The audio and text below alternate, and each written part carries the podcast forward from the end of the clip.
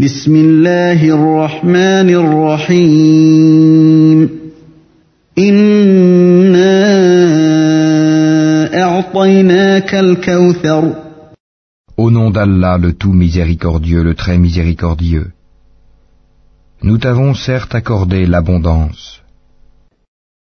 فصل لربك وانحر Accomplis la salate pour ton Seigneur et sacrifie.